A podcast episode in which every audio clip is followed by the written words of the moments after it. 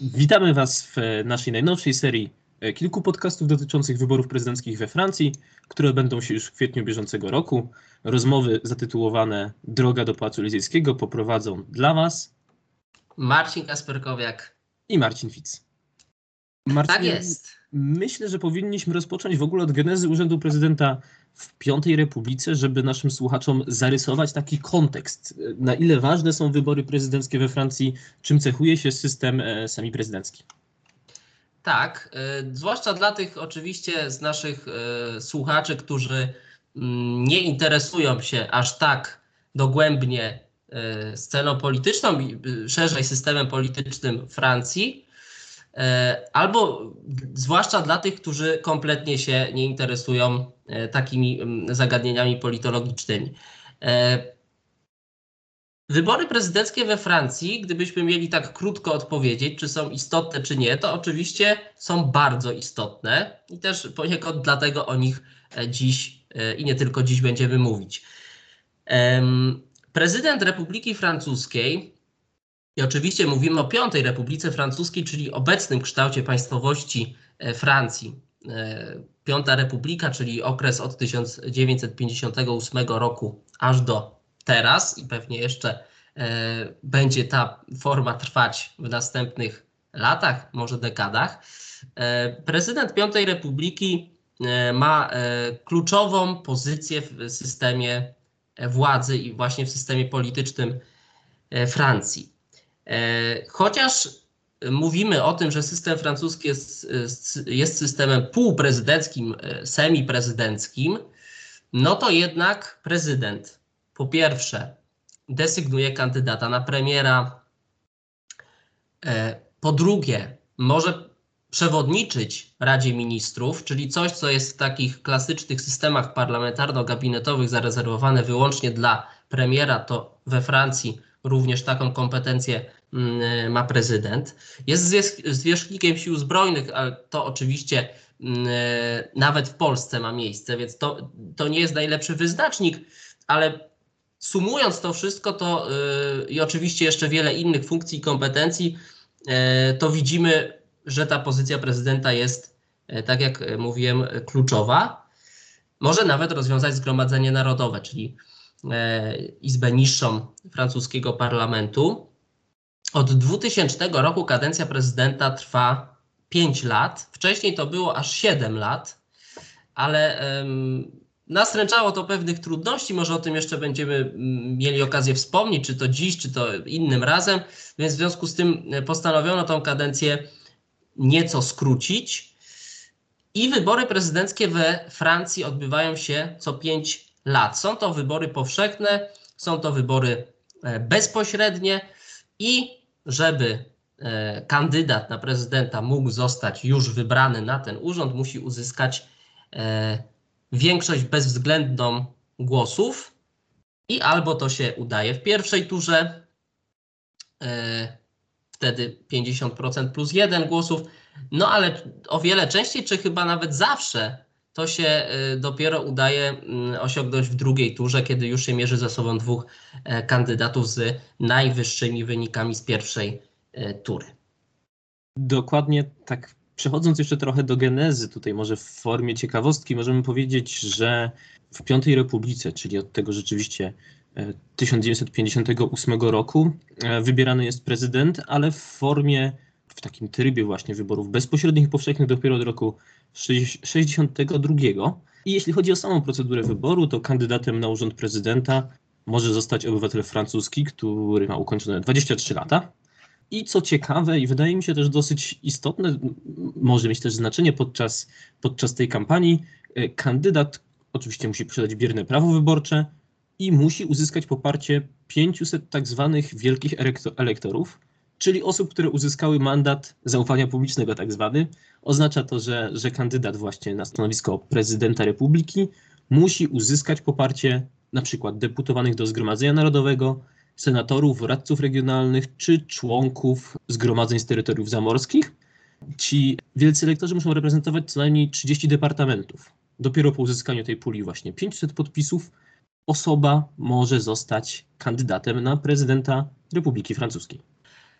Tak, tak w istocie jest. I właściwie historia, może na historii nie będziemy się skupiać, ale dotychczasowe też dzieje, te najnowsze Piątej Republiki Francuskiej pokazują, pokazują że prezydent ma niebagatelny wpływ całościowo na, na funkcjonowanie państwa, w tym przede wszystkim na to, kto przewodniczy Radzie, kto jest szefem rządu, kto e, przewodniczy Radzie Ministrów w takim e, sensie ścisłym e, i ma wpływ niebagatelny na to, co się dzieje w parlamencie. I obecnie, jak słuchacze wiedzą lub nie wiedzą, funkcję prezydenta sprawuje Emmanuel Macron od 2017. Dlatego, jak łatwo policzyć, te 5 lat jego pierwszej i być może ostatniej kadencji mija w tym roku. Y, wybory zaplanowano dokładnie, pierwszą turę wyborów prezydenckich zaplanowano dokładnie na 10 kwietnia 2022. No, terminu drugiej tury y, na razie nie będziemy podawać, bo być może ona e, nie nastąpi. Jeśli miałaby nastąpić, to oczywiście dwa tygodnie później niż pierwsza tura. E, w tym odcinku mm, skupimy się na krótkim zarysowaniu sylwetek e, kandydatów e, na stanowisko prezydenta. E, tych kandydatów, którzy nie tyle w naszym prywatnym odczuciu będą, będą najważniejsi w tym ubieganiu się o fotel prezydenta, co sylwetek tych kandydatów, którzy najmocniej wybijają się no właściwie we, we wszystkich sondażach, bo tutaj e, sondaże oczywiście się względem siebie różnią, ale mm, możemy mówić o takich ogólnych trendach, sumując, czy uśredniając wyniki tych poszczególnych sondaży, e, że e, czworo kandydatów wiedzie prym. Tak jest. I ma realne szanse po pierwsze na zdobycie właśnie 500 e, głosów wielkich elektorów, a po drugie są to, tak jak już wspomniałeś, osoby, które e, nawet nie tyle, że są właśnie e, tutaj przodują w kampaniach jakichś medialnych, ale według sondaży i według wszelkich prognoz mają największe szanse na końcowy sukces. Dokładnie. E, pierwszym e, z nich, może rozpocznijmy, e, biorąc pod uwagę też rangę, rolę, jaką obecnie ta osoba pełni, to znaczy rozpocznijmy od urzędującego prezydenta Francji, którego już zresztą tutaj wspomnieliśmy, Emmanuela Macrona. Prezydenta po raz pierwszy od lat, wielu lat, nie wywodzącego się z żadnego z takich tradycyjnie liczących się obozów politycznych, mam na myśli e, postgolistów i e, socjalistów. Mm, no bo przecież Emmanuel Macron jest e, synonimem nowej siły politycznej, która we Francji pojawiła się, no już co prawda nie nowej w takim dosłownym sensie, bo pojawiła się na scenie w 2016, ale wtedy to była nowa siła i, i wtedy też to wpłynęło na rezultat wyborów. E, chodzi oczywiście o partię Republiko Naprzód. E, chociaż Macron miał oczywiście też doświadczenie polityczne e, już nabyte wcześniej. To znaczy nie, wys nie wyskoczył z kapelusza w 2016 czy 2017 tuż przed wyborami prezydenckimi. Przypomnijmy, przecież sprawował funkcję ministra gospodarki, przemysłu i cyfryzacji e, w, socjalistycz, w socjalistycznym rządzie tak jest, a jeszcze wcześniej, mhm. A jeszcze wcześniej miał też styczność z samą administracją prezydencką, ponieważ pełnił funkcję zastępcy sekretarza generalnego Pałacu Elizejskiego w administracji prezydenta François Hollande'a.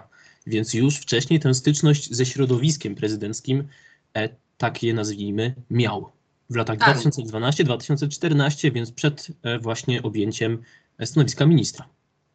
Tak, można e, żartowli żartobliwie powiedzieć, że już tam e, parę lat wcześniej Macron się e, po tych korytarzach Pałacu Elizejskiego krzątał e, i w 2017 dopiął swego. ten, ten urząd, te wybory wygrywając i ten urząd następnie obejmując. Ja może jeszcze wspomnę, mm, skoro już napomknąłem o samej partii, o, o partii Republiko Naprzód, to jest mm, partia, która miała być w zamyśle ruchem politycznym naturalnie, ale też, czy właściwie nade wszystko ruchem obywatelskim. I cały czas w tej narracji partyjnej, czy jeszcze wtedy ruchowej, pojawiało się stwierdzenie o ponownym postawieniu Francuzów w sercu życia politycznego. E, I to było, to był jeden oczywiście z wielu elementów zachęcających i mobilizujących społeczeństwo. Partia się też opowiadała i opowiada do dziś e, przeciwko wszelkim formom nierówności, dyskryminacji pochodzenia lub płci.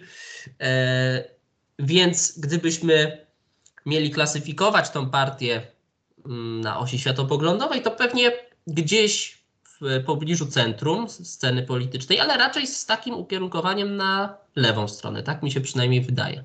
Zgodzę się z Tobą.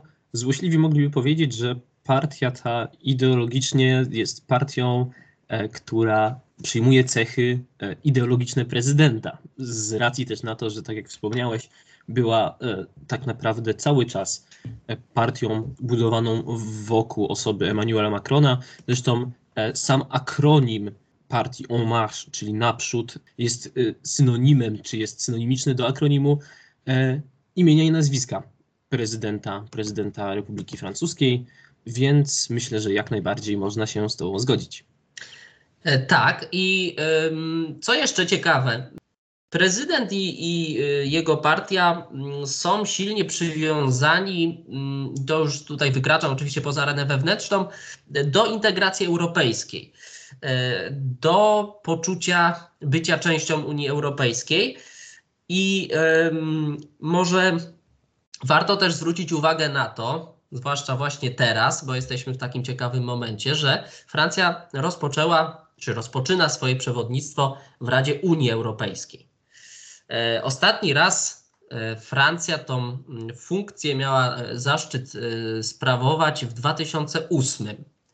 Ale właściwie historia zatacza koło. W 2008 mieliśmy do czynienia z rosyjską inwazją na Gruzję. 2000, w 2022 być może będziemy mieć do czynienia z inwazją rosyjską na Ukrainę.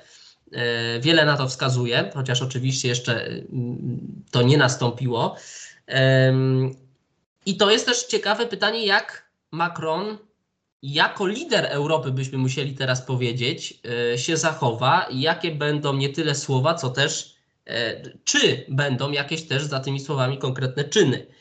Mm, bo jednak wiemy, że Francja stawia na nieco inne akcenty w tym swoim przewodnictwie w Radzie Unii Europejskiej, choćby i to też sporo mówi o profilu politycznym kandydat, y, prezydenta, a jednocześnie kandydata w wyborach.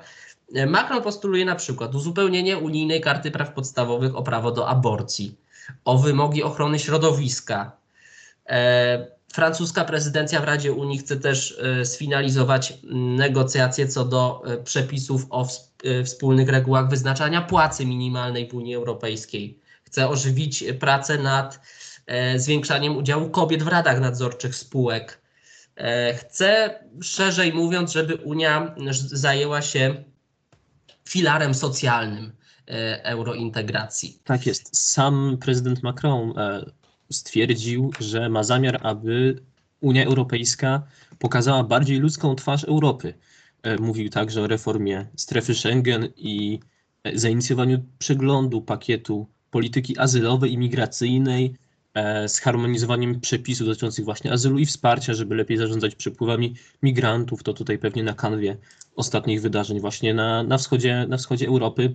E, sam prezydent stawia też nacisk na realizację polityki w zakresie ochrony klimatu, inwestycji w elektryfikację kontynentu i, i dekarbonizację całego, całego miksu energetycznego.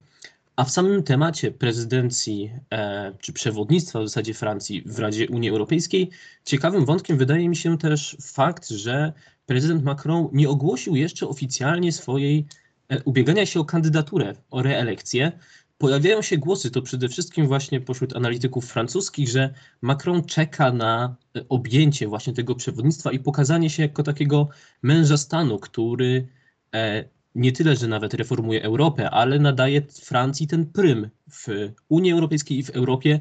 Czy sądzisz, że to rzeczywiście e, takie jest zamierzenie, że dopiero prezydent Macron chce się pokazać w tym momencie jako, jako mąż e, stanu i dopiero później może na podstawie zbudowanej jakiejś popularności czy podjętych działań ogłosić swoją kandydaturę? To, że Macron będzie kandydował, e, będzie ubiegał się o reelekcję, to jest właściwie pewne. I nie ma co do tego wątpliwości. Przynajmniej ja y, nigdzie nie czytałem, nie słyszałem e, e, takich, e, takich opinii. Ja również myślę, że my też nie mamy wątpliwości, więc tym bardziej może być zastanawiające, że nagrywamy ten podcast 28 stycznia, czyli do pierwszej tury pozostały 72 dni, a obecnie urzędujący prezydent jeszcze tej swojej kandydatury nie ogłosił i nie, dał, nie nadał takiego tonu kampanii wyborczej. Tak, ale to, co słusznie zauważyłeś, i to zresztą właśnie analitycy też e, podkreślają, czeka na odpowiedni moment. E, czeka na e, moment, w którym będzie mógł powiedzieć o sobie, ja już zresztą takiego określenia tu użyłem, że jest nie tylko prezydentem Francji, ale też liderem Europy. I, ale to bardzo mocno trafia w preferencje polityczne i, właśnie w, w, w taką e, koncepcję e, społeczeństwa francuskiego. No bo zawsze był e, w społeczeństwie francuskim silny taki właśnie element e, uznawania Francji za to państwo, które powinno e, być e, tym liderem mm, całego kontynentu. Ja jeszcze może dodam, E, w, w kontekście pandemii, jakie są e, poglądy e, prezydenta i jego ugrupowania, to tutaj można to właściwie streścić w takim krótkim zdaniu, które prezydent mm, powiedział. W wolnym tłumaczeniu teraz może to mm, postaram się przywołać, czyli chce wkurzyć niezaszczepionych. Tak miał powiedzieć Macron. I teraz pytanie, czy to w ogóle ma jakiś Yy, yy, yy, czy to w ogóle jest szansa na to, że będzie rzutowało na kampanię, czy nawet na wynik wyborów? Jak uważasz? Myślę, że, że w ogóle bardzo ciekawym wątkiem, może też do poruszenia podczas osobnego podcastu, osobnego naszego spotkania, będą potem właśnie różne czynniki, e, tym bardziej takie jak poruszyłeś, czyli, czyli pandemia panująca, te czynniki mające wpływ na, e, na kampanię prezydencką i potem na same wybory.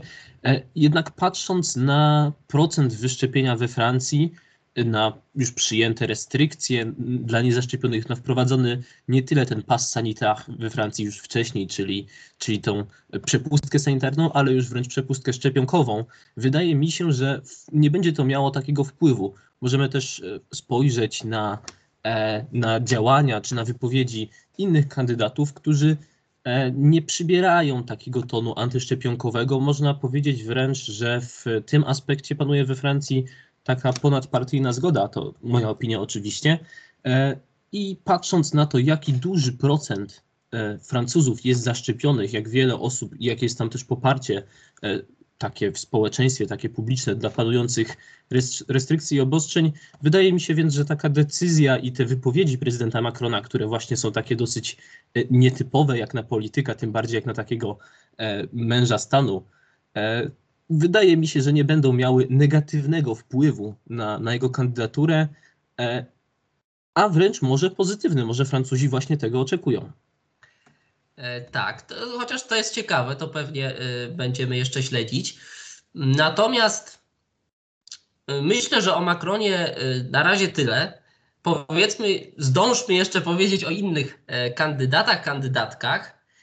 Proponowałbym w kolejności następną, bo też na to wskazują niektóre z najnowszych sondaży, kandydatkę z ramienia partii Republikanie, byłego prezydenta Sarkoziego, czyli Valérie Pécresse. E, była doradczyni prezydenta Jacques'a Chiraca. E, od parunastu lat deputowana do Zgromadzenia Narodowego. E, od 2007 do 2012 minister w kolejnych rządach.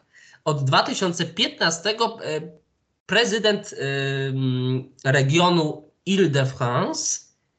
No a właśnie w tym roku nominowana i to z dość dużą jakby przewagą, bo, bo pokonała w prawyborach e, swojego oponenta, zdobywając aż 61% głosów, e, nominowana na kandydatkę w wyborach prezydenckich z ramienia Republikanów. E, zaryzykuję stwierdzenie, że to jest najpoważniejsza rywalka Macrona, dlatego że po pierwsze, ma szansę ogromną przejąć elektorat zarówno od Macrona, jak i od kandydatów radykalnej prawicy, o których zaraz wspomnimy.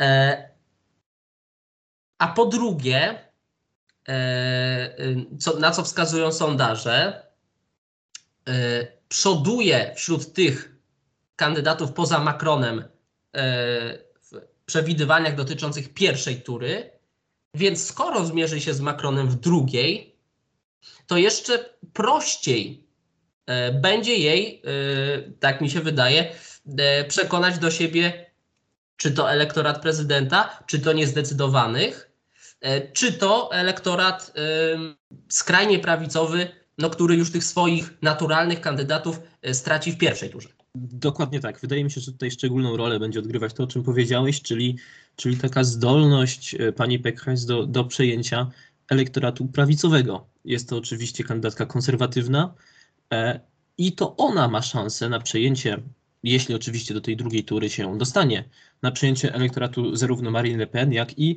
Erika Zemura, którzy e, w tym w sondażach plasują się właśnie zaraz, zaraz za kandydatką, za kandydatką republikanów. Dlatego wszelkie sondaże, jak i głosy ekspertów e, stanowią, czy tak w zasadzie ostrzegają Emmanuela Macrona, że, że pani, że pani Pécresse wyrasta na jego największą kontrkandydatkę. No, takie największe zagrożenie tutaj też myślę, że, że kwestia e, elektoratu negatywnego, które jednak e, Macron ma, za Macronem trudne 5 lat tak naprawdę prezydentury, które po tych pierwszych miesiącach zostało naznaczone ruchem żółtych kamizelek, czy strajków przeciwko samej właśnie próbie reformy emerytalnej. Myślę, że o tym też jeszcze będziemy mogli kiedyś wspomnieć. E, a także, a także czasów pandemii. Więc wydaje mi się, tak jak stwierdziłeś, że pani Pécresse jest jego największą kandydatką i ona ma największe szanse na przezwyciężenie Emmanuela Macrona w drugiej turze. Yy, tak, ale tuż za nią przecież czai się, mówiąc kolokwialnie, yy, Marine Le Pen, której właściwie chyba nie trzeba jakoś specjalnie przedstawiać. Może wspomnimy o tym, że jest to, mm, tak prywatnie ujmując, córka e, Żana Marie Le Pena, który e, był wiele lat szefem Frontu Narodowego i wielokrotnie też publicznie głosił poglądy skrajnie antysemickie, rasistowskie. I to jest ciekawe, że za to zresztą przed, paro, e, przed paroma laty został wykluczony z szeregów partii, którą sam tworzył i której przewodniczył, a którą w 2011 objęła, e, w której szefostwo objęła w 2011 e, Marine Le Pen, czyli obecnie przewodnicząca, no już nie Frontu Narodowego, bo zmienił swoją nazwę, ale Zjednoczenia Narodowego. Przy okazji kampanii wyborczej w 2022 znów pewnie na krótko zrezygnowała formalnie z tej funkcji, ale E, po wyborach do niej powróci, jeśli się te e, wybory dla niej okażą e, porażką. Kandydatka z doświadczeniem prezydenckim, bo w 2012 zajęła trzecie miejsce, a w ostatnich wyborach w 2017 roku drugie miejsce. Przeszła do drugiej tury. No tam oczywiście mm, poniosła sromotną klęskę, zdobywając zaledwie no, niecałe czy prawie 34% głosów, ale sam fakt jej awansu do drugiej tury to był swoisty szok dla Europy i świata.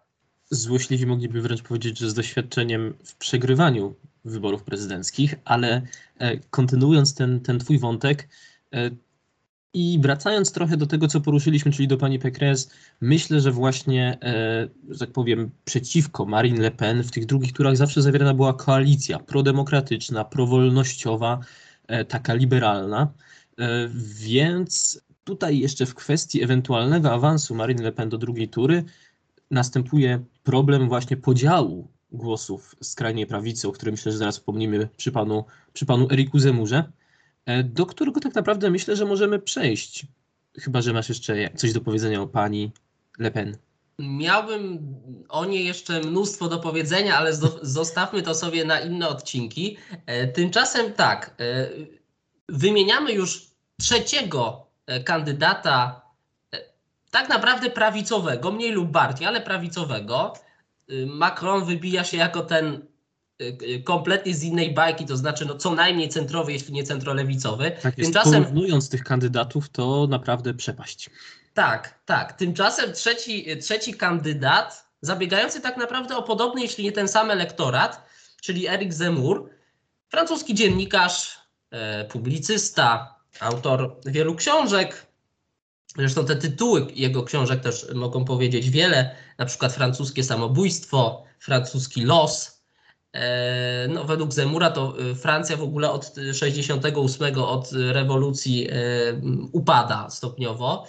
Francja i zresztą cały Zachód.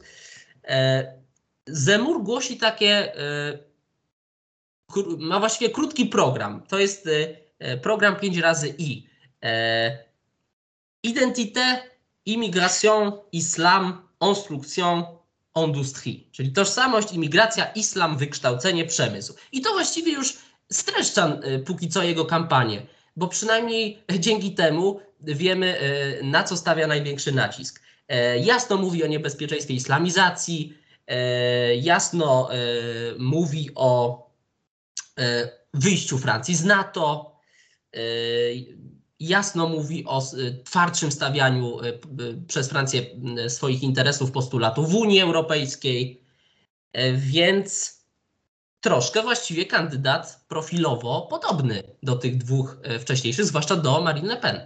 Tak jest. Sam fakt tego, że siostrzenica Marine Le Pen w w wywiadzie, który pojawił się w tym tygodniu, stwierdziła, że e, Erik Zemur jest lepszym kandydatem na prezydenta Piątej Republiki niż, niż jej ciotka, już o czymś świadczy. Ale tak jak powiedziałeś, są to kandydaci o bardzo podobnym profilu ideologicznym.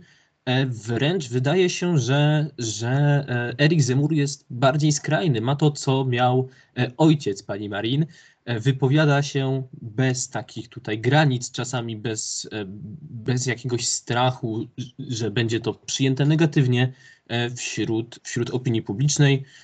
Możemy też tutaj wspomnieć o tym właśnie, że z racji na pojawienie się dwójki takich skrajnych kandydatów, którzy toczą między sobą walkę o, o tę część elektoratu, kandydaci ci właśnie zajmują trzecie i czwarte miejsce i sondaże nie dają im na razie szansy na drugą turę ze względu właśnie na to, tak powiem, rozdrobnienie e, głosów. Tak, choć przecież, przecież przez długi czas mówiło się o tym, że jednak do tej drugiej tury prawdopodobnie, i tak zresztą wskazywały badania, wejdzie Marine Le Pen. I znów miał się ten pojedynek między Macronem i Le Pen powtórzyć, tak jak było 5 lat temu. Ale jak wskazują znowu teraz najnowsze e, badania, to nie nastąpi. I jeszcze wracając do Zemura, możemy stwierdzić właśnie, że jego e, kampania trochę straciła tempo po założeniu swojej partii, którą e, nazwał Reconquista, co już też o czym świadczy, tak jak wspomniałeś o jego profilu e, ideologicznym, o tym, że wspomina, czy, czy jego program wyborczy skupia się wokół tych kwestii ograniczenia migracji, czy rugowania tematyki praw osób LGBT i przywracania, jak sam to powiedział, tradycyjnych wartości w życiu publicznym i narodowym. Obecnie kandydat nie ma dużo więcej do zaoferowania poza tym i pojawiają się głosy, że, że właśnie ta walka pomiędzy kandydatami francuskiej prawicy doprowadzi do wyniszczenia i do tego, że do drugiej tury żadne z nich się nie dostanie. I może na tym zakończmy, chyba że jeszcze coś y, chciałbyś y, a propos sylwetek kandydatów dodać. Wydaje mi się, że nie, że obecne zarysowanie przez nas czwórki głównych kandydatów jest wystarczające, a w kolejnych naszych e, podcastach postaramy się powiedzieć coś jeszcze więcej, zarówno o nich, jak i o biegu kampanii wyborczej. Dokładnie tak, więc już teraz zachęcamy do tego, żeby następne odcinki z naszym udziałem śledzić, wsłuchiwać się, obserwować. E, No i zobaczymy, e, jak to w rzeczywistości się e, dalej potoczy. Dziękujemy Wam bardzo i do usłyszenia. Dziękujemy.